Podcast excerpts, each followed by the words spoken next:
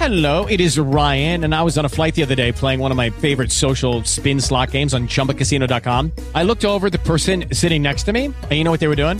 They were also playing Chumba Casino. Coincidence? I think not. Everybody's loving having fun with it. Chumba Casino is home to hundreds of casino style games that you can play for free anytime, anywhere, even at 30,000 feet. So sign up now at chumbacasino.com to claim your free welcome bonus. That's chumbacasino.com and live the Chumba life. No purchase necessary. Group. Void were prohibited by law. See terms and conditions. 18 plus.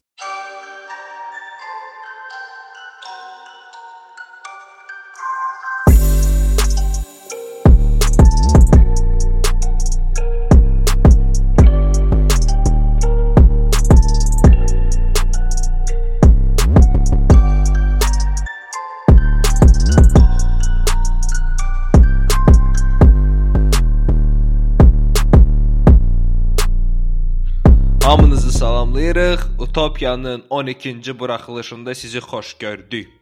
Bu gün buraxılışımızın ikinci spikeri mənlə bir yerdə Akşın Vahabzadə olacaq.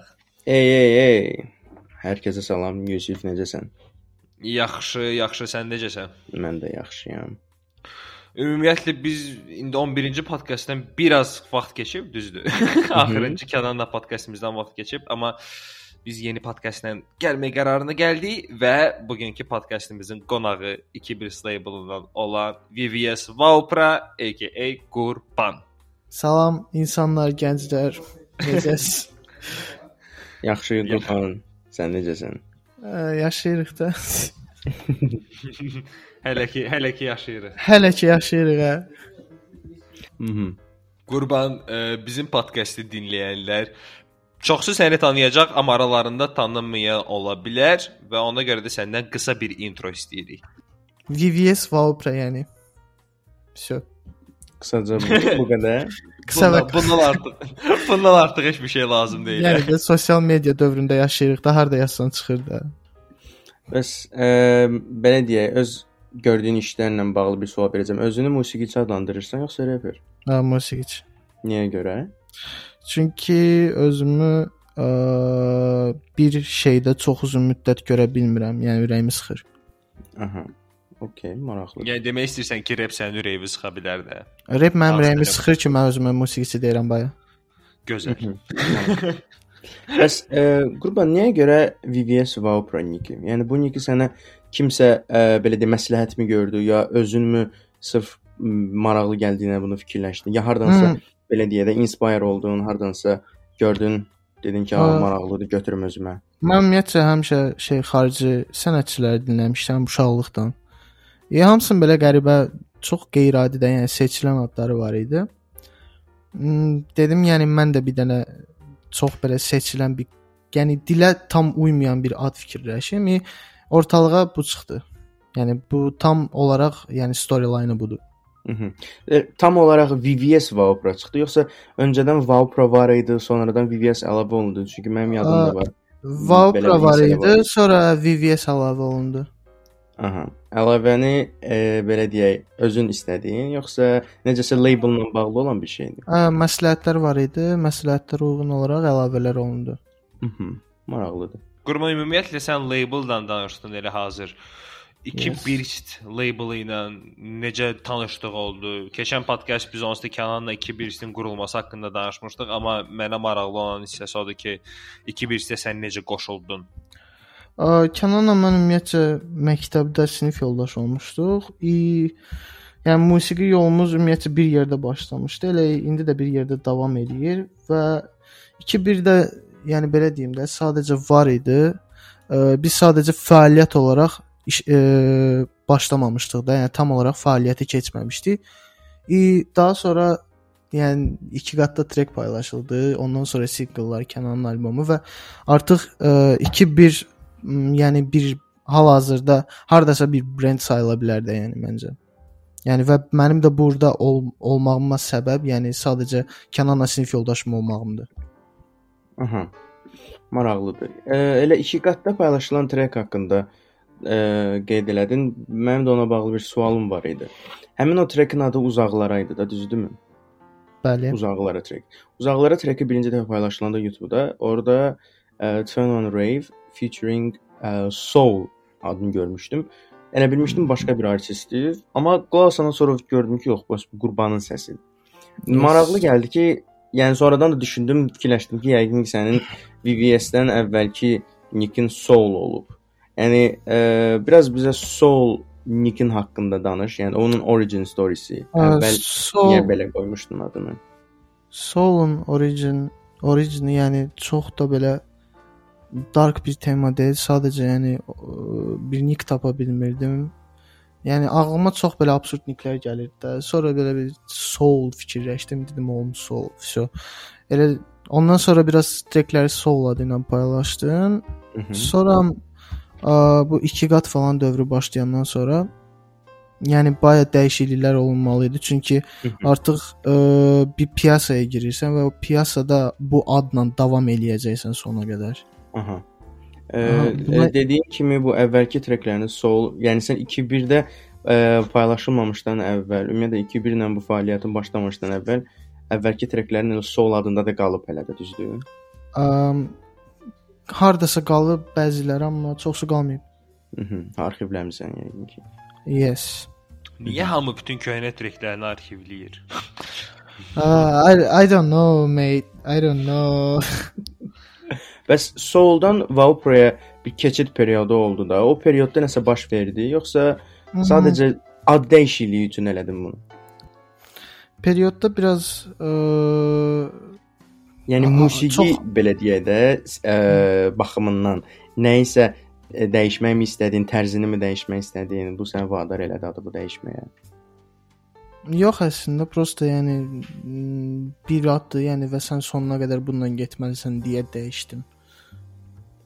Aha. O Və sol qan eləmirdi ki, yəni solla da getmək olardı. Hmm, yəni biz daha çox belə deyim də sosial a, sosial nə idi? Digital platformalara tərəf yönəlirdik deyə. Və Yəni. digital platformalarda Soul adında o qədər insan var ki, yəni bir trek atırdın 40 dənə profilə düşürdü o trek ona görə. Aa, Razı. Aha, yep. Ona görə də elə bir şey fikirləşmək lazım idi ki, yəni bu sənə identikdir də, başqasında yoxdur. Aha, maraqlıdır. Ona görə də VVS Wow Pro nickname ilə mən ümumiyyətlə Qurban ə, Kənanla da sənin də Empire trekindən tanımışdım birinci dəfə Merin. Yep. Ümumiyyətlə bu trekin yaranışı barəsində biraz bizə info ver ki, ümumiyyətlə gözləntilərlə expectations reality oldu yoxsa tamam başqa şeylər gözləyirdiniz, tamam başqa şeylər çıxdı trekdən. Hı, açığı biz prosta getmişdik. Ə, bizdə idi, oturmuşduq Kənanla, həftə axırı idi. Yəni nəsə işləməyə gəlmişdik. Sadəcə düşünmürdük ki, nəsə işləyəcəyik və bu qədər tez bir müddətdə paylaşılacaq və yəni bu qədər də uğurlu olacaq da, yəni proyekt. Random bit idi. E, yəni Kənanla oturmuşduq, heç nə ağlıma gəlməmişdi 2-3 gün ərzində. Kənanla oturduq. O vaxtı da prosta Morgenstern'in Lollipop treki çıxan vaxtları idi. Nəsə tema idi, yəni gülməli idi biraz. Hı -hı. Oradakı o falset. Heç nə biz də oturduq, prosta falsetlə başladıq nəsə mımıldamağa. Ey, ortağa Merinin nəqarəti çıxdı. Hı -hı. O falsetlə çıxmışdı əslində. Merinin nəqarəti əslində falset idi. Sadəcə sonra belə qərar verdik ki, normal səslə olsun. Sizin normalda belə deyək də işlərinizin çoxusu belə e, xırda və gözlənilməz belə deyək də vaxt içində e, baş tutur ondan sonra fikirləşirsiniz ki, paylaşmaq lazımdır qəşəngdir. Hə, Yoxsa hə, yox, yox, yox. Biz gün təyin edirik və həmin gün biz yəni proyekt işləməliyik. Hı -hı. Başqa söhbət yox. Sırf iş üçün aha, gəlirsiniz, üstündə Yes. işləyirsiniz. Bəli. Əm, yəni Merindəki biz sadəcə bir proyekt işləməli idi. Çünki mənim ə, həqiqətən də bir belə deyim də Spotify akkauntumda heç bir mahnı yox idi. Yəni mənim paylaşdığım bir single yox idi və belə qərara gəldik ki, o mənim profilimdə paylaşsın. Beləcə Merində mənim birinci Spotify üzrə uğurlu trekim sayıla bilər. Hı -hı. O həqiqətən də elədir. Yəni o paylaşılan vaxtı ə, mən də eşidəndə elə tam ürəyimcə olan bir treklərdən biri oldu. Elə öz playlistimə əlavə elədim. Ondan sonra Spotify-da streamlər, YouTube-da izləmələri falan filan qısa bir müddətdə sırazı qalxmağa başladılar ki, bu da böyük bir uğur idi məncə. Ə, bir də onu da qeyd eləyim. Spotify-da elə demişkən, Spotify-da treki dinləyəndə orada belə deyək o qısa metrajlı bir klip olur backgroundda. Hı -hı. Hə, onu görəndə fikirləşmişdim ki, bəs e, nəsə sırf Spotify üçün çəkilib yoxsa yox. Sonra dedim öz özümə ki, yəqin ki Spotify üçün olmaz da, ümumi bir klip olar. Araşdırdım, soruşdum, dedilər ki, bəs klip olmalı idi, amma e, paylaşılmadı. Niyə görə belə bir şey oldu? Biz klipi biraz qısıtlı vaxt aralığında çəkdik. Yəni çox belə limitdə vaxt aralığındaydı da. Aha. E, bizim heç bir planımız yox idi. Biz prosta bir gün durduq ki, hə, buna klip çəkməliyik bu gün. So, durduq, yəni belə random bir halda sadəcə hər şeyi on the go təşkil elədik. İsrazu 40 dəqiqə içində sadəcə kadrları, ya 1 saat deyəsən. 1 saat içində kadrları aldıq. E, klipi göndərdik montaja. Montaj olunandan sonra biraz gözləntilərimiz düşdü. Səsim gəlir? Aha. Aha. Ə, gözlə- düşdü. gözləntilərimiz düşdü çünki klip yəni ə, keyfiyyət olaraq da, görüntü olaraq da yəni çox belə bəlli formada trekdən daha aşağı qalırdı. Mhm. Buna görə yəni klip paylaşılmadı. Yəni demək istəyirsən ki, o klipin paylaşılmamanın əsas səbəbi, yəni sən dedin ki, gözləntiləriniz kimi olmadı, gözümüzdən düşdü və s. Bu montajın səbəbi idi, yoxsa Aa, yox. çəkilişin, yəni çəkiliş yaxşı olmamışdı? Yox, bizim sadəcə düzgün bir ə, ideya qurub sadəcə ora gedib və o ideyaları göstərməyə yetərincə vaxtımız var idi. Ə, nə də ki o anda resursumuz var idi. Aha. Okay. Qurban bəs ümumiyyətlə Merin trekinin partlayışından sonra fikirləşmədiniz ki, okey də yəni bu klip alınmadısa bir dəfəyə bəlkə daha gələn dəfə planlı şəkildə bir klip çəkək və buraxaq. Çünki Merin nə də olsa sənin ən partlanan treklərindən biridir. Yoxsa belə bir bir fikir oldu, yoxsa vəbşə olmadı? Hmm, açıq heç olmadı. Okay. heç heç evet. də onda. Ə, Qurban ümumiyyətlə bizə ən mən məsəl üçün ən maraqlı şey oldu ki, 2-1 sən məsəl üçün treklərin çox vaxt 2-1 labelından elə Kənanın özü ilə çıxır, Merinin özü də. Mənə ən maraqlısı odur ki, gələcək proyektlərin haqqında biraz daha sonra ətraflı danışacağıq. Amma mənə maraqlı odur ki, gələcək proyektlərinin içində 2-1-dən 2-1 labelından olmayan başqa adamlarla featuring var, yoxsa yoxdur? Var. Yüngülvari tiz eləmək olar onu. yoxsa nə yəni də istəmirəm də deyim kimdir. Okay, yəni sizin labeldandır ən azından. Yox, bizim Yo, yo, yo. deyil. Bizim labeldan deyil. Aha. Bizim labeldan Yaxşı. rap artisti yoxsa pop? Ə, pop. Hardasa Hoppa. pop, amma yəni rapə yaxın deyil. Arım, a, rapə yaxın deyil. Aa, çox Onda- belə belə deyim də. Azərbaycanın milli səsləri ilə biraz ə, ə, cazın qarışığı üstünə də bir dənə R&B. Oba. Rast, rasta oxşadı biraz. Biraz ə. Amma çox maraqlı proyekt olacaq. Bəs o ümumiyyətlə albomdan sonra çıxacaq, yoxsa Ə, onu məncə burada tiz eləməyim də, yəni. Onda 100% Vaxt producer keçər, Semin insanlar görər də, yəni. Ə, yox, prodüser özüməm. qəşəng. Və Roni və Ronidir, Roni Wade. Roni, Roni yaxşıdır. Roninin işlərini çox bəyənirəm. Hal-hazırda yanımdadır bu arada. Salam deyir. Bizdən də bizdən də salam. Qurban, sən indi gələcək feature-lərindən birini İngilvari tiz eləsən də ümumiyyətlə gələcəkdə maraqlı proyektlərindən beynində nəsə var, yəni danışa biləcəyin.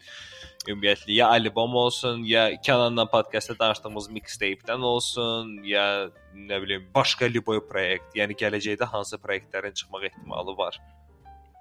Bu yaxınlarda gələcəkdə yəni.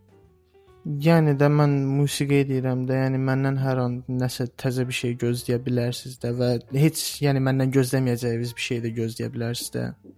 Aha, okey, ə, maraqlıdır qurban. Dediyin ə, belə deyək də, ən azından açıqlama oldu, qısa bir açıqlama. Ancaq ə, onu bilirik ki, qarşıdan sənin albomun gəlir. Uzun müddətdir gözlədiyimiz həmin Unicorn albomu gəlir. Yoldadır və eşitdiyimiz, gördüyümüz qədər bilirik ki, ə, artıq ciddi formada üzərində işləməyə başlamısan. Ə, biraz istəyirik albom haqqında bizə danışasan. Albomun ümumi belə deyək də konsepti haqqında məlumat verə bilərsən dinləyicilərə? Albomun konsepti haqqında yəni onu deyə bilərəm ki, albomu 2 yerə bölmək istəyirəm hal-hazırda yəni. Və Hı -hı. albomun bu son konsepti deyil də, yəni bu necə paylaşılacaq deyil. Bu sadəcə mənim istəyimdir hal-hazırda. Albomu 2 hissəyə bölmək istəyirəm. İstəyirəm ki, albomun birinci hissəsində sırf mənim istədiyim tərzdə bir şeylər olsun. Yəni mənim düşüncəmcə çox qəşəng bir şeylər olsun. Yəni ə, mənim zövqümcə olan mahnılarım olsun. Aha. İkinci hissəsində isə sadəcə yəni belə deyim də daha çox ə, musiqili, yəni mənalı falan belə bir şeylər. Mhm. Eee, yadımdadır sən əvvəllər albomun konsepti haqqında danışanda bəzən deyirdin ki, albom misal üçün deyə şən eee vibe-lar verir. Eee, başqa vaxt üstündən biraz keçirdi deyirdin ki, albom kruzla doludur, albom biraz nə bilim belədir və s. və s. Üstündən biraz da xeyli vaxt keçdi. Eee, indi də deyirsən ki, 2 hissəyə bölmək istəyirsən. Bəs eee 2 hissəyə bölməkdənsə heç fikirləşmisən ki, ümumiyyətlə albom olsun, bir də əlavə olaraq sonra deluxe ə, versiyası çıxsın. Ə, yox, yəni o qədər trek sığışdırmaq istəyirəm ki, yəni deluxe ehtiyac qalmasın. Aha, sırf trek necə, yəni trek sığışdırmaq deyəndə ə, trek sayı Yox, çox sadəcə demək istəyirsən. yox, yəni trek sayı çoxdur və sadəcə trekləri o döşüyüm deyə trek sayı çox olsun deyil də. Aha. Elə o sualı vermək istirdim. Nə qədər trek olacaq albomda? Bir ortalama say deyə bilərsən, dəqiq olmasa belə. Ortalama say yəni hal-hazırda dəqiq olaraq 14-dür. Mhm. 14, yəqin 2 2-yə bölsən 7 7 quick math. Okay. Maraqlıdır. Side A, side B kimidir. Eminem'in Music to be Murdered by kimi. Mhm. İki Bro, mən- albom. Mən biraz Drake fanatıyam. After. Scary, scary Okay. Hours 2, please. Okay, okay. Ə, yəqin ki albomun ə, CD satışı falan olacaq, gözlənilir. Onda CD-lər də düşün, əgər sən 2 hissəli eləsən, onda ə, 2 CD qoyarsan, yoxsa bir tərəfi A, bir tərəfi B Yusif demişkən. Um, əslində mən istəyərəm ki, məsələn, CD alan insana həmin albom digital formada da verilsin. Mhm. Yəni Aa, sırf ə, Aha. e-mail vasitəsilə məsələn göndərsən bu faylı Aha. və o fayl Aha. yəni həmişəlik insanın həyatına qədər həyatının sonuna qədər qalır da. Yəni e-mail də Mhm. həyatında bir dəfə yaradırsan və sonuna qədər səninlə. Yes. Bu Aa. bu dediyin belə deyək də versiya çox görmüşəm. Amerikada demək olar ki, bütün artist bir çox belə deyək də tanınmış artistlər də belədir. Merch-ini alanda Liboy merch-in üstündə ə, digital versiyasını pulsuz verir, e-maila göndərirsən Yep, demiş. yep, eynən. Onu onu sən Azərbaycana gətirə bilsən, bilmirəm, ilk addım olar yoxsa yox, amma çox maraqlı addım olar. Yəni istəyirəm hal-hazırda çalışıram. Yəni bizdə zarafatsız da həmin hələ ki hələ ki dinləyicilər mürüşlə arası təzə-təzə düzəlməyə başlayıb da. Yavaş-yavaş disk alırlar. Amma hələ də iTunes platformasında keçməmişik, bax bir şey keçməmişik. iTunes-dan mənə elə gəlir ki, heç kim, yəni albom alış-verişinə məşğul olmur. Sadəcə CD alırlar. Amma qurban sən dediyin kimi əgər digital platformalara da insanlara, dinləyicilərə və versən, mənə elə gəlir ki, böyük bir addım olar. Yes sir. Qurban ümumiyyətlə e, ali gələcək albomunun e, prodüserləri haqqında informasiya verə bilərsən? Bu albomun üstündə kimlər işləyib? Yəni prodüser, beatmaker kimlər Hmm. olub? Hal-hazırda yəni bütün bu hazır olan layihələr üstündə ə, Ronnie Wade işləyib. Bir də mən. Ə, prodüserlər olaraq bu insanlardır. Mix mastering təbii ki Ray White-dir. Kənana. Ə, yəni hamı team işidir də, yəni Mhm. co-opdur. Yəni hamının əli var. Yəqin ki, vizual da yəqin ki, Fəridə aid olacaq. Ə, Fəridə və yaxud da yəni hamımız işləyəcəyik də, hamımız bir yerdə. Mhm. Maraqlı. Yəni label olaraq sən demiş teamwork Yes.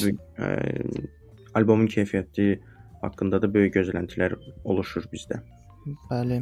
Ə, albomda xüsusi olaraq kimlənsə feat olacaq.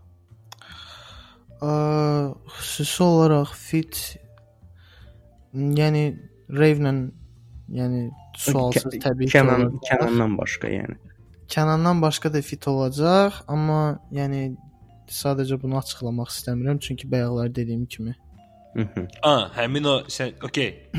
Onda belə çıxır ki, bayaqları de tiz elədiyin track albomda olacaq. Uh, yes. Okey. Okey. puzzle-ları, puzzle-ları solve elədik. Qurduğu şey, okey, fikir bildiyi nədir söhbət. My Maraqlı. life was a lie. Вообще. Focus, focus. You just now lost your focus. Eee, Okey. Ə, mənə elə gəlir ki, bu gün həmişəki kimi ürə bir adi tənəyə çevirmişik. Necəsə oldu ki, bu adi tənəyə çevrildi. Biz nə hər e, artist podkastımıza gələndə nəsə özü ilə maraqlı bir demo track gətirir.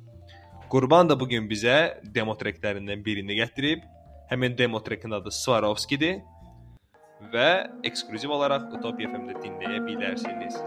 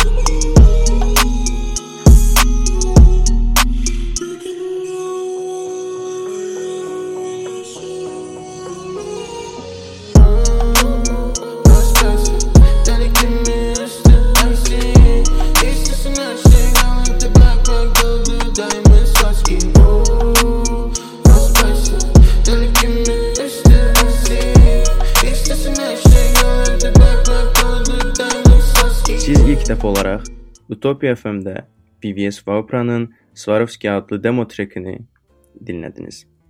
Qurban, biraz musiqidən kənara keçmək istəyirəm. Ümumiyyətlə bu gördüyün işlərlə e, işləri qoyaq bir qırağa, musiqin olsun və s. onları qoyaq qırağa. Başqa nəyə marağın var?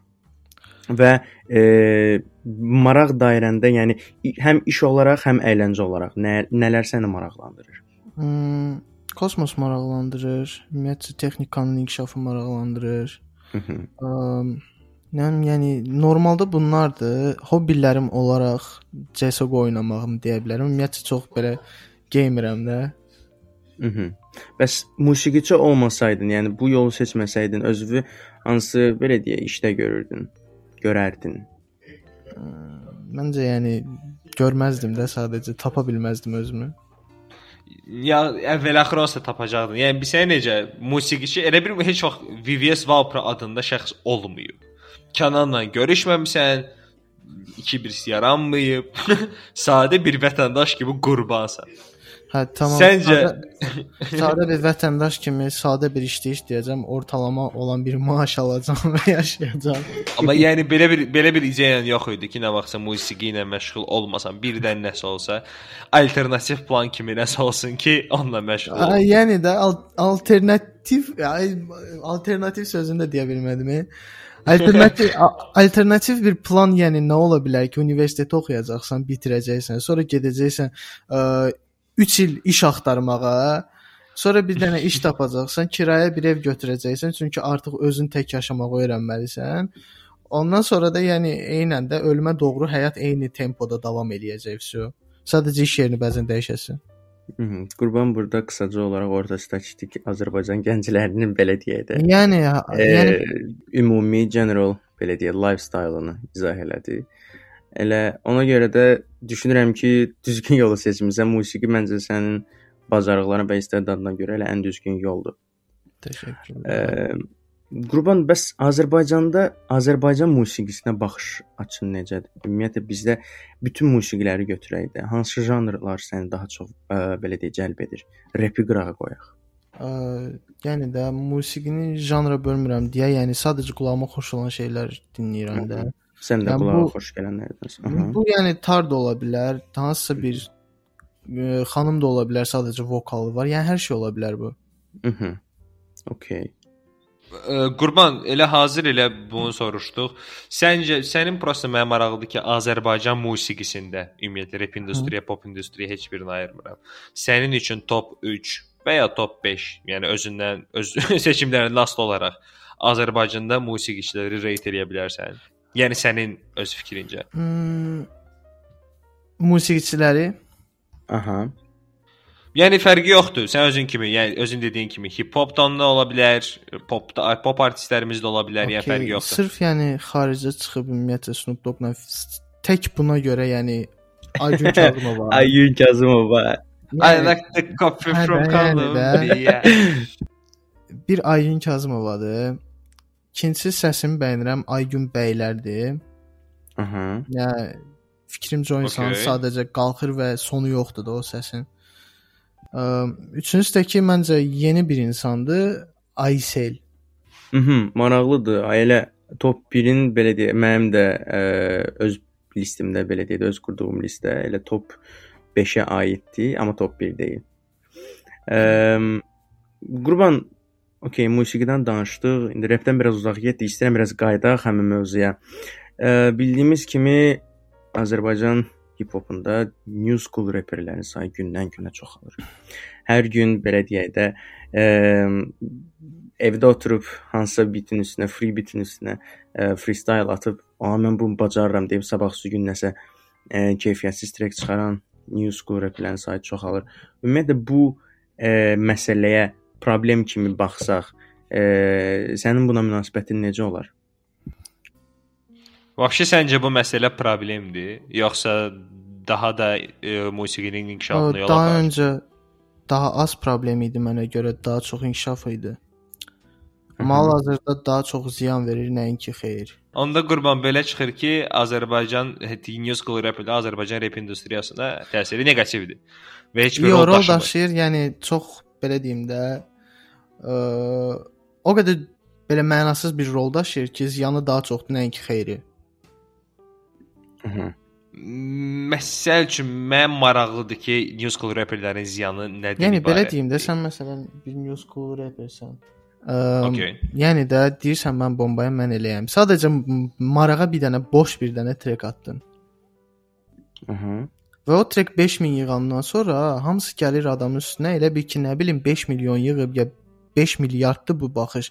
Bunlardan yaxşısı yoxdur da, yəni. E, bu bir ego yaradır və həmin o ego onların özünü öldürən olur deyə və daha yeni sənətçilər bu qədər tez gedir də bəzən. Bir tərəfdən düz deyirsən, tamamilə razıyam. Yəni çoxsu 5000 view baxandan sonra desən ki, "Afsə mən bombayam, mənim dinləyicilərim var, nə bilim nə, nə bilim nə." Amma bir tərəfdən də baxsaq məncə yaxşıdır. Yəni heç olmasa schoollar öz aralarında bir-birlərinə baxıb dərs dərs çıxara bilirlər ki, yaxşıları pislərdən yəni fərqləndirə Bro, yəni şəkildə. sən niyə öz yaşıdından ə, dərs alasan ki, sən dərsi özündən böyükdən alarsan da. Yəni söhbət odur. Mhm. Çox qəşəng vurğuladı. no no bizim new school rapperləri dəstəkləyən bir yer var. dəstəkləyən bir yer olmamalıdır. Yəni səni məktəbdə ailəndən başqa heç kəs ə, dəstəkləmir və sən ə, 13 yaşında ya da 14 yaşında deyilsən. Sən art- artıq 17 yaşın var, 18 yaşın var və sən ha- hal-hazırda hər şeyi dərk eləməyə başlayan bir dövrdəsən. Və Mhm. bunu sən böyüklərdən götürməlisən, nəinki yaşıdlarından. Yəni məntiqə uyğun olaraq, yəni səndən böyük daha çox biləcək, nəinki səndən balaca ya da yaşıd. Aha. Elə ümumiyyətlə çox bomba yerə toxundun. Mən elə ondan danışacaqdım ki, bizdə hətta ə, elə yaşıdlarından dərs götürmək deyəndə bizim mənə elə gəlir ki, new school rapperlərin çoxusu Azərbaycan repinə repindən ilhamlanıb rep eləyirlər deyə keyfiyyətli iş alınmır. Çox vaxt. Yəni informasiyaları azdır. Mən razı deyiləm bundan. Yəni heç razı deyiləm. Niyə? Məncə yəni fərqi yoxdur da. Azərbaycanda keyfiyyətli eləyən insanlardan ilham alıb keyfiyyətsiz eləmək, yəni bu onların səhvidir. Mhm. Bu yəni sırf həmin o adamın üstünə düşən işi yetərincə yaxşı görməməyindədir. Yəni bu yəni Qurban demək istəyir ki, sadəcə bu bir individual belə deyək də iş görür və öz məsuliyyətini də özü daşıyır. Əgər səhv getsə bu özünün problemidir. Deməli özü səhv eləyib. Bəli. Mhm. Okay. E, Bəs e, Qurban elə hazır New School-lardan danışmışkən, ümumiyyətlə ya da pop artistlərdən, ümumi musiqi cəhətdən səncə Azərbaycanda underrated musiqiçilər və ya reperlər kimlərdir və kimləri görmək, yəni çox ucalarda görmək istərdin ki, ya bunlar ona layiqdirlər, Zirvəyə layiqdir. amma çox underrateddirlər. Hmm, Yəni də mən Azərbaycan hal-hazırda dinləmirəm. Yəni də Azərbaycanın zirvəsi, yəni sırf Azərbaycanlıdır deyə deyirsən, yoxsa Azərbaycan ə, bazarındadır deyə? Yo, ümumiyyətlə yəni Azərbaycan Azərbaycanlı sadə bir musiqiçi, hansı ki sən tərəfindən çox yəni hamı tərəfindən underrateddir. Amma sən fikirləşirsən ki, həmin underrated musiqiçiyə biraz qabağa getsəydi, çox böyük bir nəticələr göstərə bilərdi. Elə bir musiqiçi var. Azərbaycanda yəni beynində. underrated ə, ifadəsi yoxdur da, yəqin bu fərqindəsən. Yəni Yəni demək demək istəyir ki- underrated musiqi Okey. yoxdur. Yəni musiqiyə girən insan ə, arxasında bir kapitalla girir və buna görə underrated deyil, sadəcə ə, nətər deyim, underproduceddur. Всё. Mhm. Bəs həmin belə deyək də bu, mm, zirvə deyilən bir nöqtə varsa bu Mhm. musiqi sektorunda. Hal-hazırda sən sənin yaşıdın və ya səninlə belə deyək də eyni səviyyədə olan bir e, artisti, artistlər var da, həmin o artistlərdən kimləri həmin o zirvə nöqtəsinə layiq görürsən? Yəni özün və yaxınlarından başqalarında belə deyək. Tamam, Kənan bu gündən mənim yaxınım deyil, Kənanı görürəm. okay. Yəni ə, Efraim'i deyəcəm. Mhm. Üçüncü Yəni e, ümumi olaraq label haqqında da danışa bilərsən. Yəni deyə bilərsən ki, okey, filan label və onun içindəki olan artistləri də deyə bilərsən təbii ki. O heç şey, yəni mən sırf underrated qalanlardan danışıram da Mhm. sizin ə, başa saldığınız qədəri ilə də, yəni. Mhm. Məncə yəni Efraim baya qalıb underrated. Elə Underrated da qalmayıb, e, underground qalıb. Yəni hey, çox məncə yəni layiq olduğu yerdə deyil. Bu qədər. Mhm. Mm, Məncə sənəti məncə yoxdur. Sadəcə görmürsən başqa heç yoxdur, yox. Aha. Okay. M- Efraimlə danışdın. Səncə yəni həqiqətən də elə düşünürsən ki, Efraim öz labelındakı digər artistlərə görə ə, daha çox underrated sayılır. Yəni bizim dediyimiz dırnaqçı underrated. Ay yox, e, yəni belə deyim də, Eynullan götürsək, Eynullah Eynullanın öz tərzi var. Mhm. Yəni o öz tərzində underrated deyil, overrated deyil, yerindədir. Mhm. Mhm. Ə, amma Fikrətin hal-hazırda elədiyi bir tərz var və çox underrateddir o tərzə görə. Aha, bax biz elə mən tam bu açıqlamanı istirdim ki, yəni spesifik olaraq nə nə demək istəyir? Okay. Hı. Okay, bildim. Yəqin ki, özün də həmin o qrupa daxilsən, prosta belə deyək də, e, dinləyicilərin e, səhv düşürməməsi üçün özünü qeyd eləmədin həmin listə. Elədir? Hmm, Yəni də mən belə deyim də, istəsəm qeyd eləyə bilərdim. Sadəcə qeyd eləmirəm də, yəni. Özümü niyə qeyd eləyim ora? Ora mənim zirvəm deyil də, yəni. Açıq heç kənar da zirvəsi deyil, amma Və nəysə. sənin üçün sənin üçün zirvə nədir? Qurban. Çox maraqlı bir sual. Sənin üçün e, ümumiyyətlə Azərbaycandan qırağı da ola bilər, kənarı da ola bilər. Hara hansı nöqtəyə çatsan deyərsən Bura, ki, mən mən üzrə istədiyimi zirvəyə elədim. çatdım. O ən böyük belə istədiyim o dəyərli bir şey olur, sahib olmaq istəyirsən. E bilsən o o o yer haradır ki, sən onu götürəndə deyirsən ki, "Oh, çatdım." Ona çatdın, deyirsən ki, "Vəsə, mən hər şey, bütün həyatım boyu bunu eləmişəm. Vəsə, qutardı həyatım. Öyle Yox, rahat yox, ölə bilərəm şey yoxdur bundan ya, sonra." Yoxdur da elə şey. Sən mən məsələn bu günlər Drake fanatıyam. Sabahları gəlib Drake-lə fit eləsəm, çıxacam oradan studiyadan deyəcəm Drake-lə fit elədim. Bundan sonra nə eləməliyəm? Vaxt aracam məsələn, yəni mən bundan sonra nə eləməliyəm? Hə, hə, yəni məsələn də bura mənim bura qədər zirvəm idi də, hə? Və bundan sonra uje zirvəm lazımdır. Yeni bir zirvə lazımdır ora. Aha, yəni hər hər belə deyə də, e, məqsəddən çox məqsəd var, amma səviyyəyə görə artır. Yəni də birinci mən- səviyyəni çatdandan sonra o biri səviyyələr açılır və s. art-arta gedirsən. Okay, bəs indiki məqsədi nədir? İndiki məqsədim sadəcə keyfiyyətli musiqi eləməkdir. İnsanlara zövq zövq gətirməkdir. Ə, yəni də göstərməkdir ki, yəni biz bu işi eləyirik də. Biz bunu bacarırıq. Mhm. Səncə e, belə deyək düşünürsən ki, sənin dediyin bu e, məqsədlə yola çıxan çox artist var hal-hazırda. Və sən onlardan daha artığın necə eləməlisən ki, e, sənin başqalarına çatdırmaq istədiyin o dediyin o məsəl üçün zövqü yaymaq istəyirsən də, başqalarına yeni musiqi zövqü belə də tanış eləmək istəyirsən. Sən nə dərəcədə iş görməlisən ki, digərlərin qabaqlayasan bu məsələdə? Bro, yəni mən çox ə, belə deyim də dırnaq arası sənətçi olmaq istəyən tip insanlar tanıyıram. Ə, yəni açıq deyim də sadəcə bardaqdır və adını komanda qoymaq olmaz da, sadəcə bir sürü insan demək olar. Hı -hı. Ə, bundan fərqimiz odur ki, biz məsələn oturub bir proyekt üstündə hamımız işləyəcəyik. Fərqi yoxdur, istəyir lap ə, yəni Kənan olsun, mən olum və yaxud da başqa labelin üzvləri olsun. Yəni biz Aha. hamımız oturub bundan məşğul olacağıq. Ə, fərq ondadır ki, bizim komandamız var. Yəni biz Mhm. tək hərəkət eləmirik. Aha. Yəni siz sadəcə komanda statusu yox, ümumən həqiqətən komanda olaraq da iş görürsüz. Hər layihənizdə də teamwork-ın belə də öz yeri var. Maraqlıdır. Bəli. Çox sağ ol sualını cavablandırdığın üçün. Eee Ümumiyyətlə sənin fəaliyyətin haqqında danışdıq. Bu yaxınlarda sənin bir ə, maraqlı bir trekin onlayn oldu. Eee Semi tərəfindən prodüs olunmuşdu. yes. 21 qram adlı treki. E, 21 qram trekini mən ilk dəfə eşidəndə fikirləşdim ki, yox, nəsə o deyil.